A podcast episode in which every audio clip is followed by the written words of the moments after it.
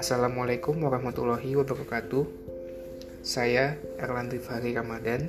Hari ini, hari Senin, tanggal 12 Oktober 2020, merupakan hari ke-6 dari siklus kedua saya membaca buku Seven Habits of Highly Effective People yang disusun oleh Stephen R. Covey dari Covey Leadership Center. Hari ini, saya melanjutkan membaca di subbab pertama dari bab ketiga yang berjudul Dahulukan yang Utama.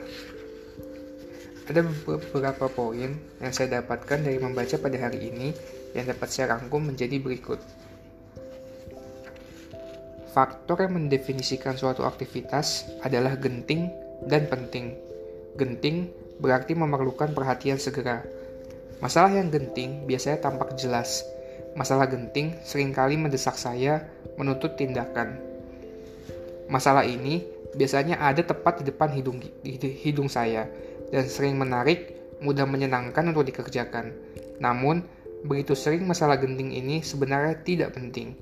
Sebaliknya, masalah yang penting adalah hubungannya dengan hasil. Jika sesuatu adalah penting, maka sesuatu itu menunjang misi saya, nilai saya, sasaran prioritas tertinggi saya. Masalah penting yang tidak genting memerlukan lebih banyak inisiatif, lebih banyak proaktivitas. Kuadran satu genting Kuadran satu adalah genting sekaligus penting. Kuadran ini berhubungan dengan hasil signifikan yang memerlukan perhatian langsung. Aktivitas pada kuadran satu disebut sebagai krisis atau masalah. Orang-orang yang menghabiskan waktu hampir sepenuhnya pada kuadran 3 dan 4 pada dasarnya menjalani kehidupan yang tidak bertanggung jawab.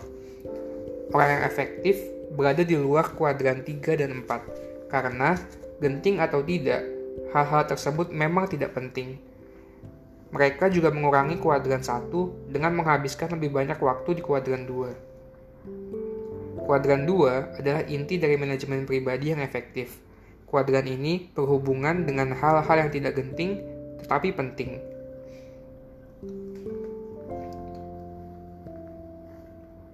Orang yang efektif bukanlah orang yang pikirannya tertuju pada masalah, tetapi Orang efektif adalah orang yang pikirannya tertuju pada peluang. Saya percaya jika kuadran 2 dapat mengembangkan proaktivitas saya untuk mendapatkan hasil yang besar. Efektivitas saya akan meningkat secara dramatis. Krisis dan masalah saya akan menyusut sampai pada proporsi yang dapat ditangani karena saya berpikir ke depan, menangani akarnya, mengerjakan hal-hal preventif yang membuat situasinya tidak berkembang menjadi suatu krisis. Itulah beberapa poin yang saya dapatkan dari membaca pada hari ini. Terima kasih. Wassalamualaikum warahmatullahi wabarakatuh.